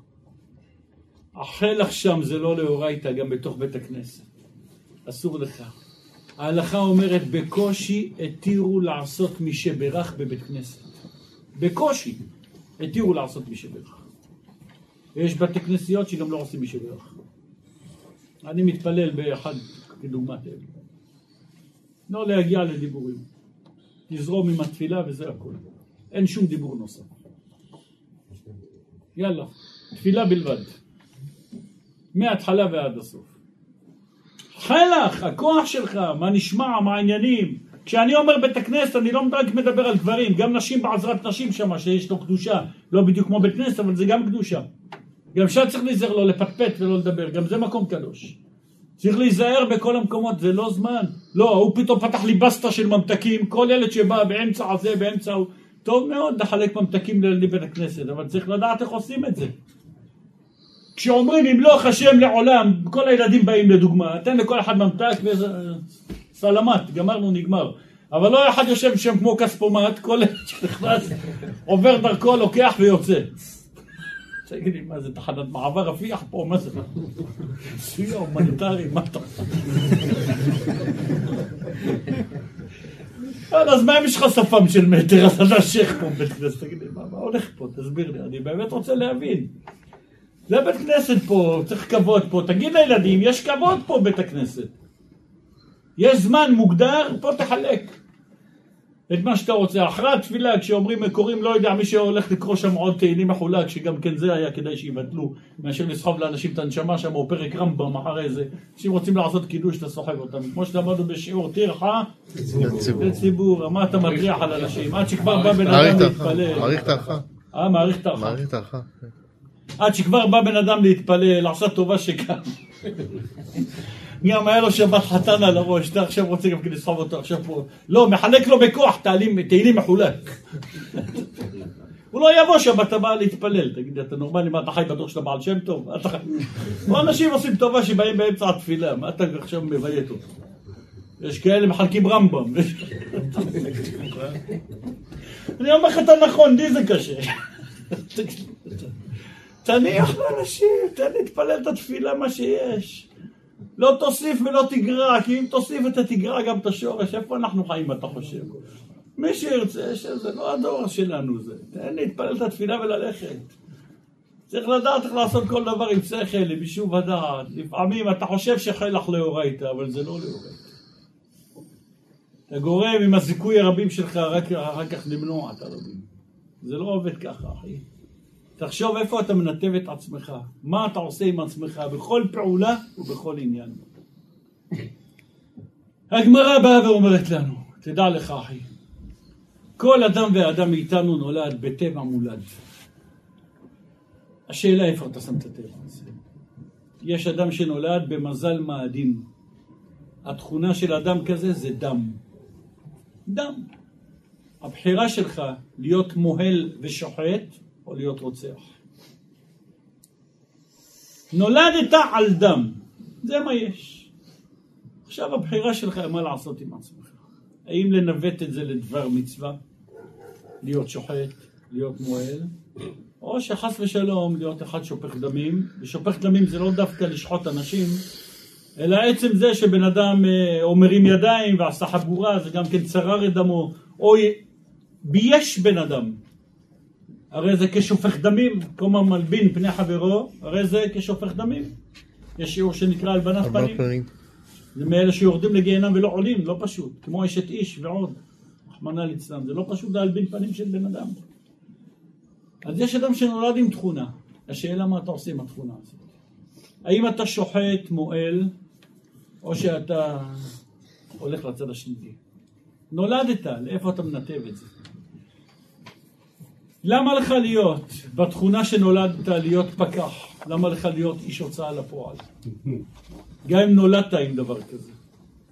למה שלא תהיה שליח בית דין בזמן שבית דין תקפה? וכשבית דין שולח בן אדם לשבור לו את הבית אם הוא פשוט לא משלם או לעקל לו את החנוכיה מכסף אם יש לו נכס והוא לא משלם הלוואה וזה מה שעושים לו כמו שלמדנו בשיעור שנקרא מצוות הלוואה אחד שיש לו נכס, או יש לו בית, או יש לו זה, והוא חייב כספים, לא משלם. חביבי, אתה תגור ברחוב, אתה תמכור את הנכס שלך. מה, אתה נורמלי אתה? מה, מה זה הדבר הזה?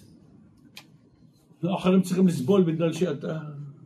ואם הוא לא עושה את זה, בית דין שולחים אליו הביתה, שולחים כמה רוסים טובים שם, כוח, אני לא יודע איך קוראים לו, שם עליו את חמו, וגנר שם, מסדרים לו את הבית שם, בית דין שולחים. אם נולדת עם אחד שלשבור, לא יודע מה לעשות, זה, יש ילד איך שנולד, שבור אותו. תלמד אותו, שבור את היצר הרע. תלך אחד כזה, תהיה מהבדים שהולכים וצריך, כמו שצריך לשבור, תשבור. תנווט את עצמך לאיפה שהתורה נתנה ונפתה, לא למקומות אחרים. אוי, עד כמה זה מדוקדק, רבותיי, בואו קצת יותר פנימה. יש דברים שנגזר על בני אדם. השאלה באיזה נסיבות הגעת אליהם. לא יהיה ולא יקום. נגזר על יעקב אבינו לרדת למצרים. הוא צריך לרדת למצרים. הוא צריך להיות בבית עבדים. השאלה איך אתה יורד, באזיקים, בשרשראות של ברזל, או אתה יורד במרכבת פעיל. נגזר בצוהר, נגזר. נגזר! השאלה למה אתה יושב, על שטות ששתית ועשית שטויות, או על זה שעצרו אותך כי עמדת על המדרכה בשבת וצעקת שבת. ובאו ושלפו אותך בשביל להראות שעצרו עצירים. כמו שקורה ביום יום. עמדת על המדרכה חוקית וצעקת שבת קודש בשכונה חרדית ושלחו את שליחי הסמ"ם, את היס"מניקים שיעצרו אותך שם. יעצרו אותך וזרקו אותך למעצר. אתה יושב ואותו אחד שעשה שטות בשכרות שלו יושב. נגזר עליכם להיות שם. השאלה, האם על ידי חלח דאורייתא הגעת לשם, או על ידי חלח דשטויות והבלים הגעת לשם? כאשר פפוס מצא את רבי עקיבא, שהיה מקהיל קהילות ברבים ולומד תורה, ורבי עקיבא נאסר. לימים הסתבך גם פפוס ונאסר. שואל אותו, על מה אתה יושב? אומר רבי עקיבא, הקהלתי קהילות ברבים. אני לימדתי תורה בזמן הקורונה. הקהלתי קהילות ברבים.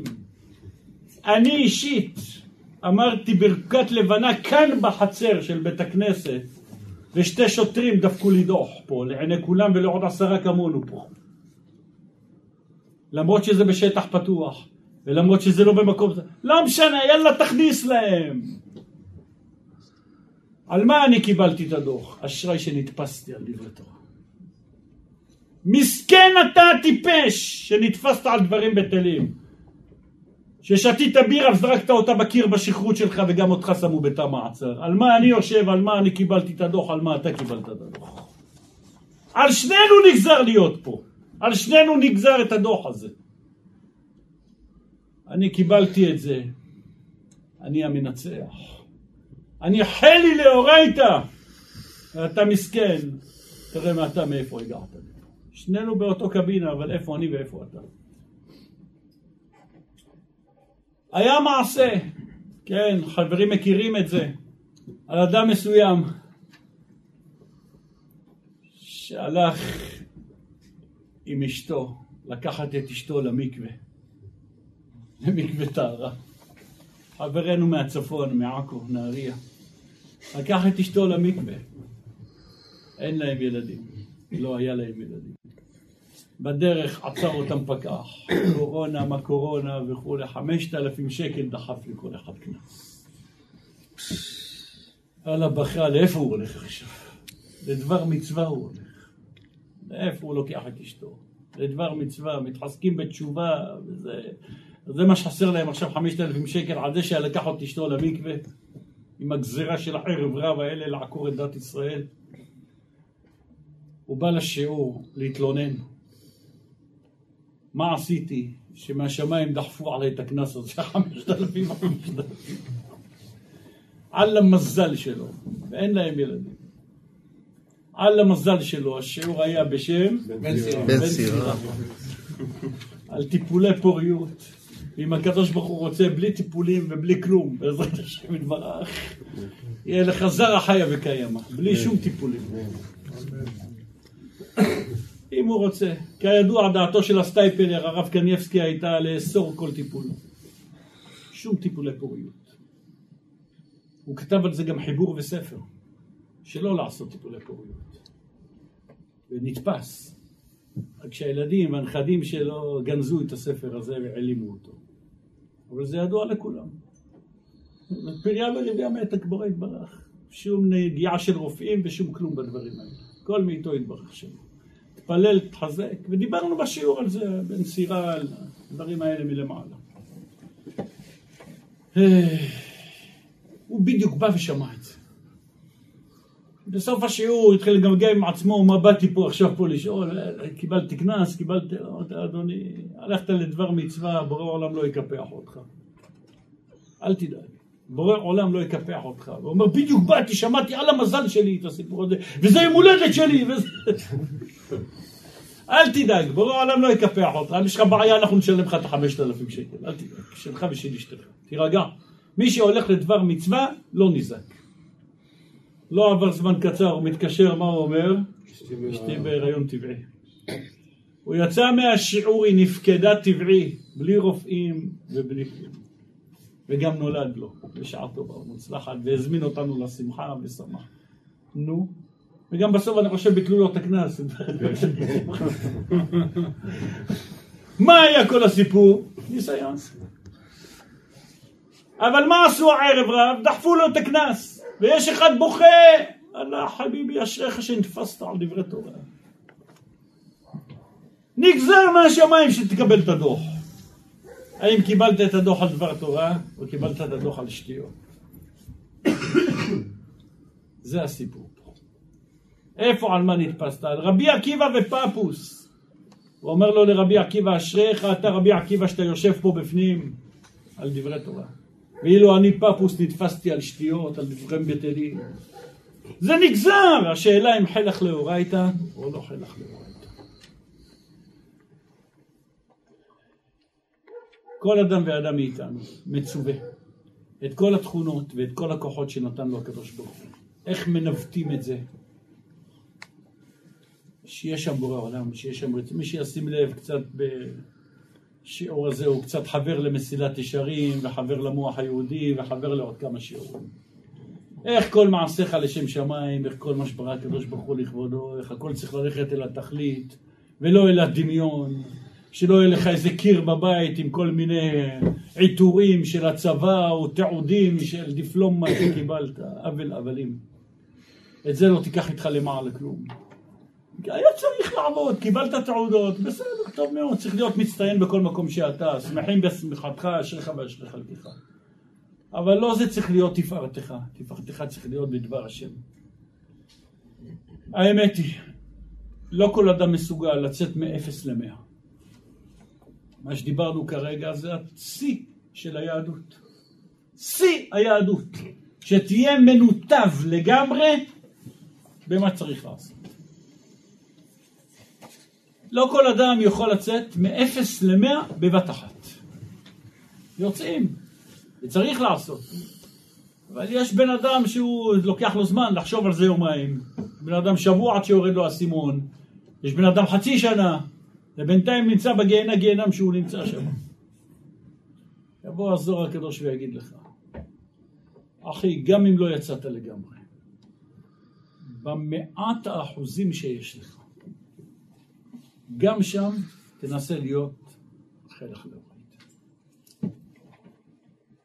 אתה עדיין מנותב בתור פושע.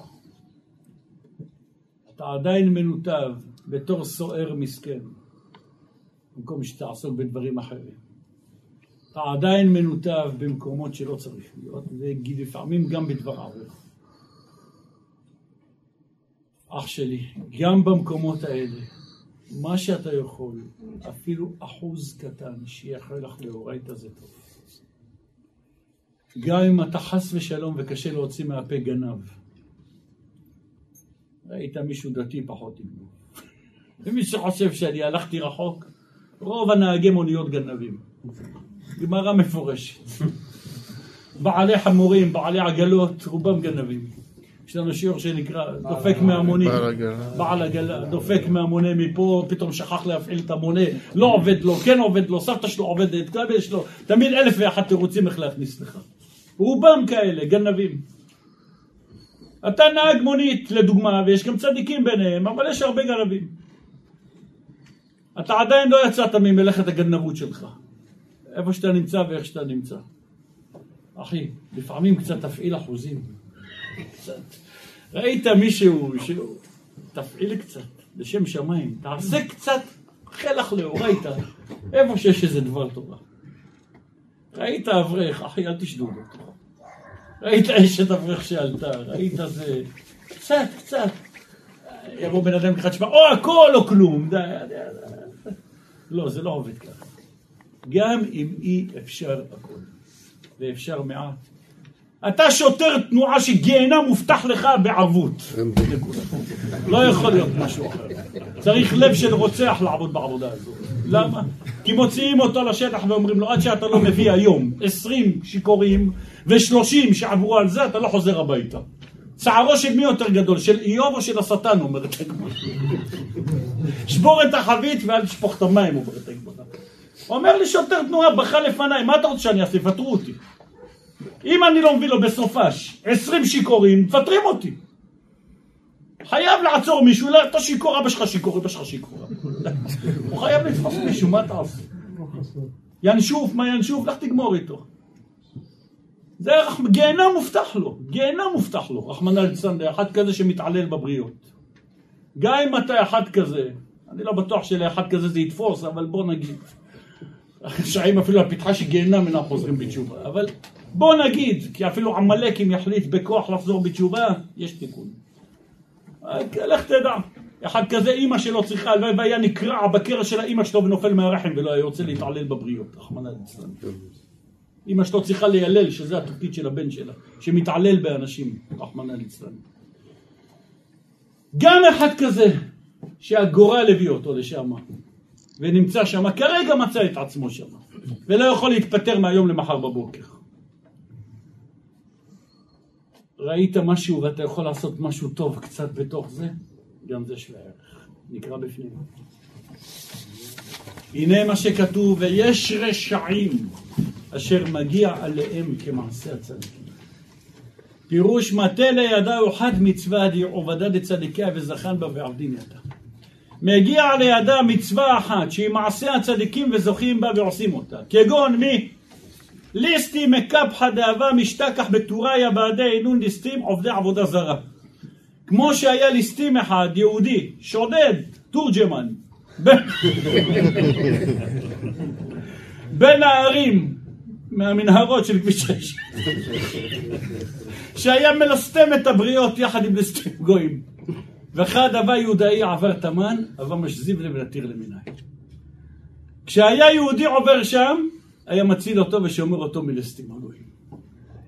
והווה קרא עלי רבי עקיבא, אל תזלזל בו. רבי עקיבא קרא עליו מקרא זה, יש רשעים אשר מגיע עליהם כמעשה הצדיקים. חלך לאורייתא עשה באחוז קטן, אחד חלקי אלף, אבל אל תזלזל גם בזה. למה אל תזלזל? כי הדור ירוד והנשמות ירודות, ואפילו מעשה קטן כאן שווה ערך גדול. פעם אחת, המאמר הידוע של רבי חיים ויטל כלפי אז. שאלתי למורי ז"ל, איך היה אומר לי שנפשי הייתה כל כך מעולה? והרי הקטן שבדורות הראשונים היה צדיק וחסיד במעשיו הטובים. שאין אני בכל מעשיי ומצוותיי מגיע לעכבו. אז איך אתה אומר, אומר רבי חיים ויטל, שאני נשמה גדולה ואני מעשים גדולים? איפה אני ואיפה הדורות הקדמונים? שואל רבי חיים ויטל. אמר לי מורי ז"ל, דע לך כי אין גדולת הנפש תלויה ונערכת כפי מעשה אדם, רק כפי הזמן והדור ההוא. והיינו כי מעשה קטן מאוד בדור הזה, שקול בכמה מצוות גדולות שבדורות החיים הקודמים. כי בדורות אלו הקליפה גוברת מאוד מאוד לאין קץ. וכל מעשה קטן צריך התגברות גדול מאוד להכניע את הקליפה. מה שאינו כן בדורות הראשונים. שלא היה התגברות הקליפה, ולכן מעשה קטן בדור הזה שקול כנגד הרבה מעשים שבדורות הקודמים. ואילו הייתי בדורות הראשונים, היו מעשיי וחוכמתי נפלאים יותר מכמה צדיקים הראשונים, כי לפי ערך התגברותי על הקליפות בדור הזה, אילו הייתי בדורות הראשונים, היו מעשיי גדולים מאוד. וכמו שאמרו חז"ל על נוח, איש צדיק תמים היה בדורותיו, שדרשו כי אם היה בדורו שהיו רשעים היה צדיק תמים, כל שכן אילו היה בדורות הצדיקים היה יותר צדיק. לכן אמר לי מורי אריזל אמר לי שלא אצטער על זה כלל, מה שאין, מה שאין המעשים שלי מגיעים אל מעשי הנשמות שבדורות הקודמים. כי בלי ספק יש לנפשי מעלה גדולה על כמה צדיקים ראשונים מזמן התנאים והאמוראים שהיו. לכן נכון שאתה לא מושלם ואת לא מושלמת ואתה עדיין בדפוס שלך מדפיס שטויות אף על פי כן, אם אתה יכול משהו לקחת את זה חלך לאורייתא תעשה. מה שאתה יכול לחטוף ולעשות, תעשה את זה, מה שרק אפשר. נשמות שבדור האחרון הן נשמות לא פשוטות. הן נשמות שבאו תיקון על תיקון, שבתוך תיקון סוחבים עבר פלילי מגלגולים קודמים. שלא לדבר על מה שהוספנו קצפת, על כל הדברים. עד שנמחק החיוך כמעט מהפנים. אף על פי תשתדל. מעשה קטן, שווה ערך רב. יש לנו עוד נקודה קטנה להשלים פה בשיעור לפני שתראה את המאמר האחרון. אמרנו חלח לאורייתא, בוא תנתב כל דבר אל התורה. יש פסוק שאומר, כי בגלל הדבר הזה יברכך השם אלוקיך. על מה אומרת את זה התורה שירן? כי בגלל הדבר הזה מצוות צדקה. בגלל הדבר הזה יברכך השם אלוקיך. מה זה בגלל? גלגל הוא שחוזר בעולם. אומרת הגמרא, מובטח. או אתה, או הבן שלך, או הנכד שלך, הולכים לעשות שנור לכבס קצב. אין מצב של עשירות לשלושה דורות. אתה, או הבן, או הנכד, גלגל הוא שחוזר בעולם, מגיעים למצב שחייבים לקבץ. להיות נתמכים בזולת. כי בגלל הדבר הזה, גלגל הוא שחוזר בעולם. היו צדיקים שהבינו על מה מדובר. מה עשו? עשו חלך לאורייתא.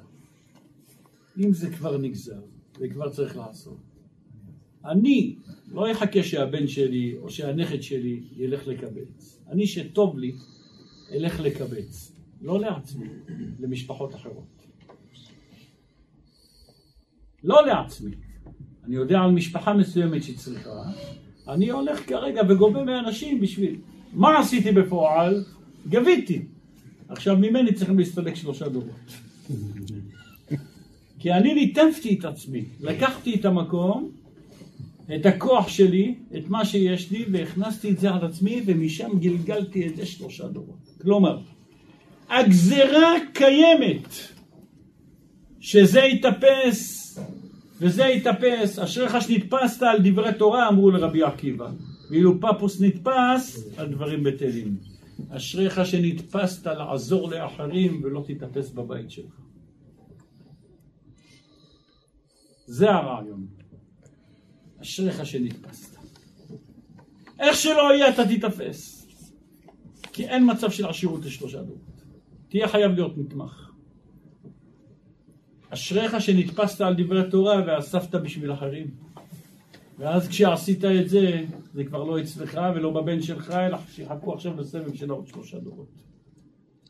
תדע איך לנתב את זה, לעשות את החלק הזה לאורייתא. אנחנו חיים בדור, רבותיי, בדור לא פשוט. אנחנו סוחבים עלינו את הגלגולים הקודמים שלנו. אנחנו סוחבים את הגלגולים האהובים שלנו, שעשינו הרבה שטויות. כשאתה בא אומר לבן אדם, תשמע, תתחזק, תשמע לדבר תורה, תנווט את הכוחות שלך לתורה. רוב הפרצופים של בני אדם מיובשים. אין טיפת לחות. למה?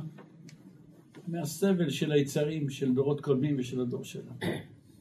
אדם שלא חוטא הוא אדם שמח, הוא אדם חי. אדם שחוטא הוא בעיצבון, ובפרט אם היה פגם הברית, בעיצבון תאכלנו. ולהכניס משהו לראש של בן אדם שחטא ופגם ובעצבות זה מאוד קשה. לך תסביר עכשיו לבן אדם חלח לאורייתא. אחרי שהוא בא ממצב של חטאים בגלגולים קודמים, או מצב... לך תסביר בן אדם לעשות משהו. יש רק פתרון אחד. יבוא הזוהר הקדוש ויאמר לנו, דברי תורה משמחי לב. גם אם נולדת במזל של עצבות, גם אם בחטאים עשית דברים שמביאים אותך לעצבות. אם אתחה לך תיתן דאורייתא, תבוא לשיעורי תורה. את כוחך תשקיע לבוא לשיעורי תורה, התורה תמחק לך את העצמות. גם אם נגזר עליך להיות כזה, נקרא בפנים. חזינה בספרה דשלמה מלכה, ראיתי בספרו של שלמה המלך. דאית בני נשה דאית ילידו, כת של טען פדה. כי יש בני אדם שנולדו בעת ששלט הענף הזה של כוכב שבתאי. ועינון עציבין תדיר דלחדן לעלמין. הם עצבים תמיד, אינם שמחים לעולם. אלה שנגזר עליהם לבוא בכוכב הזה, כי הם חטאו, לכן גלגלו שיבואו במזל בכוכב הזה, כי הכוכבים מתנהלים לפי המעשים של בני אדם. אלה אנשים שנולדו בלי חיוך. יש להם רק תקנה אחת. בר אילען באורייתא, חוץ אם עוסקים בתורה, שעליה נאמר פיקודי השם ישרים, וקאי תחדן מקודשא ברוך הוא, מתאחדים ומתדבקים בקדוש ברוך הוא. אז הם שמחים. כי על ידי לימוד התורה הם למעלה מהכוכבים והמזלות. לכן לא שולט בהם עצבות מצד מזל לידתם, או הגלגולים שלהם, אלא שמחה אמיתית שהיא שמחת הדבקות בקדוש ברוך הוא. את הכוח שלך תיקח מתוך התורה. את הכוח לשמחת חיים תיקח מתוך. אומרת הגמרא מסכת ברכות, אשרי מי שעמלו בתורה. רבי יוחנן אומרת הגמרא, שאיתו פתחנו את השיעור, איתו אנחנו גם חותמים. זה אדם שעבר סבל רב. זה אדם שעל שונאי שונאי ישראל קבר עשרה ילדים שנפטרו לו במגיפה. והיה מסתובב עם העצם של הבן הקטן שלו ומנחם עוד אחרים. הוא היה אומר, רבי יוחנן, כי אבא מסיים ספרא דיוב, אמר אחי. אחרי שהוא למד את ספר איוב היה אומר כך, אתה יודע מה המסקנה? סוף אדם למות, מי נשאר פה? וסוף בהמה למה? תכלס, כולם לאיפה הולכים? הכל למיטה הם עומדים. אף אחד לא נשאר פה ואף אחד לא לוקח איתו כלום. אתה יודע על מי נאמר אשרי? אשרי מי שגדל בתורה, עמלו בתורה. עושה נחת רוח ליוצרו, את החלח שלו עושה לתורה. וגדל בשם טוב ונפטר בשם טוב מן העולם. עליו אמר שלמה, טוב שם משמן טוב ויום המוות. שכל החיים שלך שאלה, שאבת איך לעשות חלח לאורייתא, באחוזים שלך, במה שאתה, איך מנווטים כל תכונה, כל דבר שנתן לי הקדוש ברוך הוא. לא מגיע למסעדה, כל השולחן עליי, מטומטם. מה זה כל השולחן עליי? מאבד ממונו בידו, מה, זה, מה אתה נותן לאנשים שמשחקים קלפים כל השולחן עליי? לכם תלמוד תורה כל השולחן עליי, ארוחת בוקר שלכם עליי. תהיה גבר שם, זה שנולדת נדבן, זה טוב מאוד. חלך לאורייתא, תדע איפה לשים. ולא כמו המטומטם מהצד השני. אני עוזב הכל ומשליך את הכל על בורא עולם ושהוא יכלכל את הבית שלי ויכלכל את הפרנסה שלי ויעשה הכל. ומה אני, אני, אני יורד מהפרנסה. תגיד לי אתה חי בדור אה, של רבי יהודה הלוי? די תירגע. אתה מן היישוב בדור שלנו אתה צריך לדעת איך לתת אוכל לאישה לילדים ולהתנבט ולכלכל כמו שאמרנו בשיעור מכלכל חיים בחסד.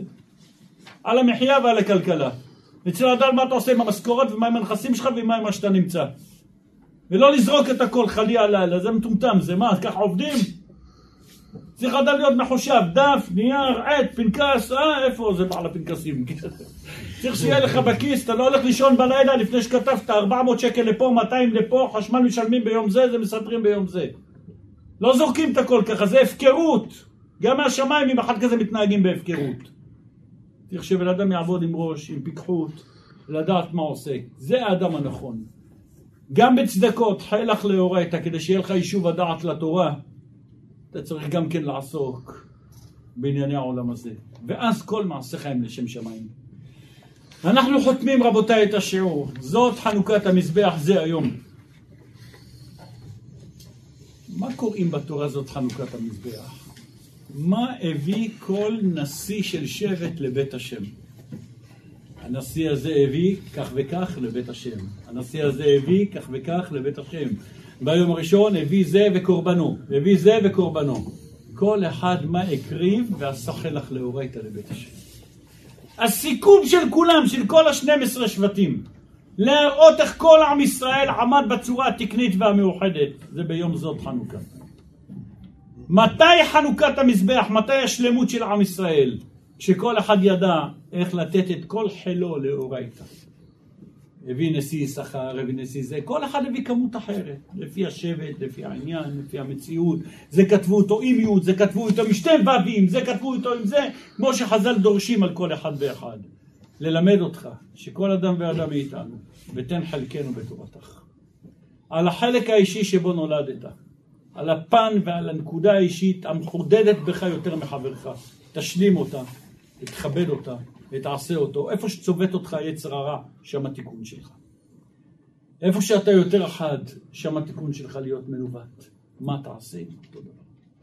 יעזור השם יתברך, שבזכות התורה הקדושה שהיא משמחת, באמת משמחת.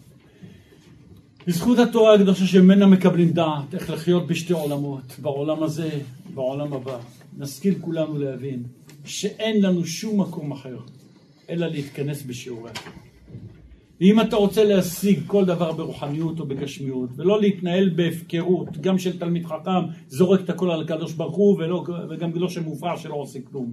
זה רק אם תבוא ותקבל דעת תורה.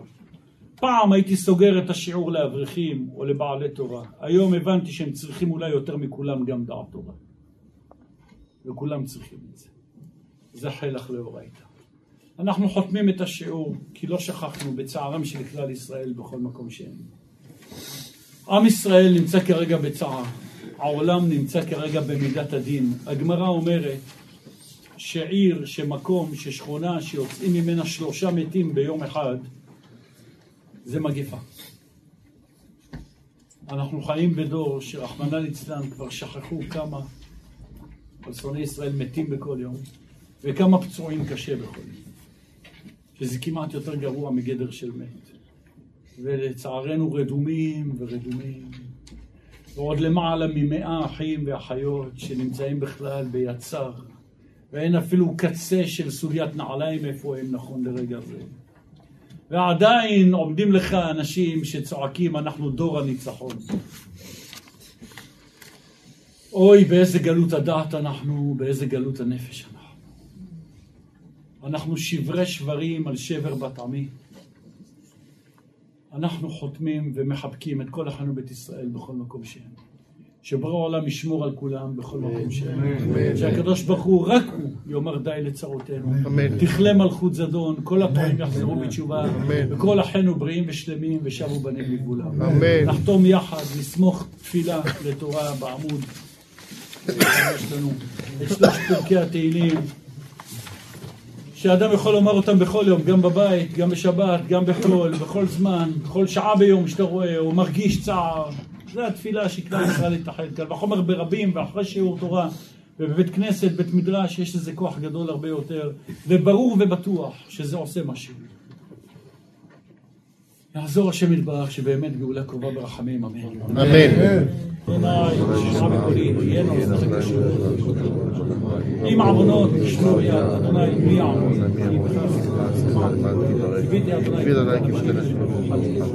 נפשי לאדוני לבוקר, לבוקר. ישראל והוא יפדה את ישראל מכל עוונותיו. אחינו, כל בית ישראל, הנתונים בצבא ובשבייה, עומדים בין בים ובין ביבשה. המקום ירחם עליהם ויוציאם מצרה לרווחה ומאפלה לאורה ומשליחות לגאולה. ישתה בעגלה בזמן קריב ונאמר אמן. זאת חנוכה שמח לכלל ישראל. אמן. חג ברוך, הרב.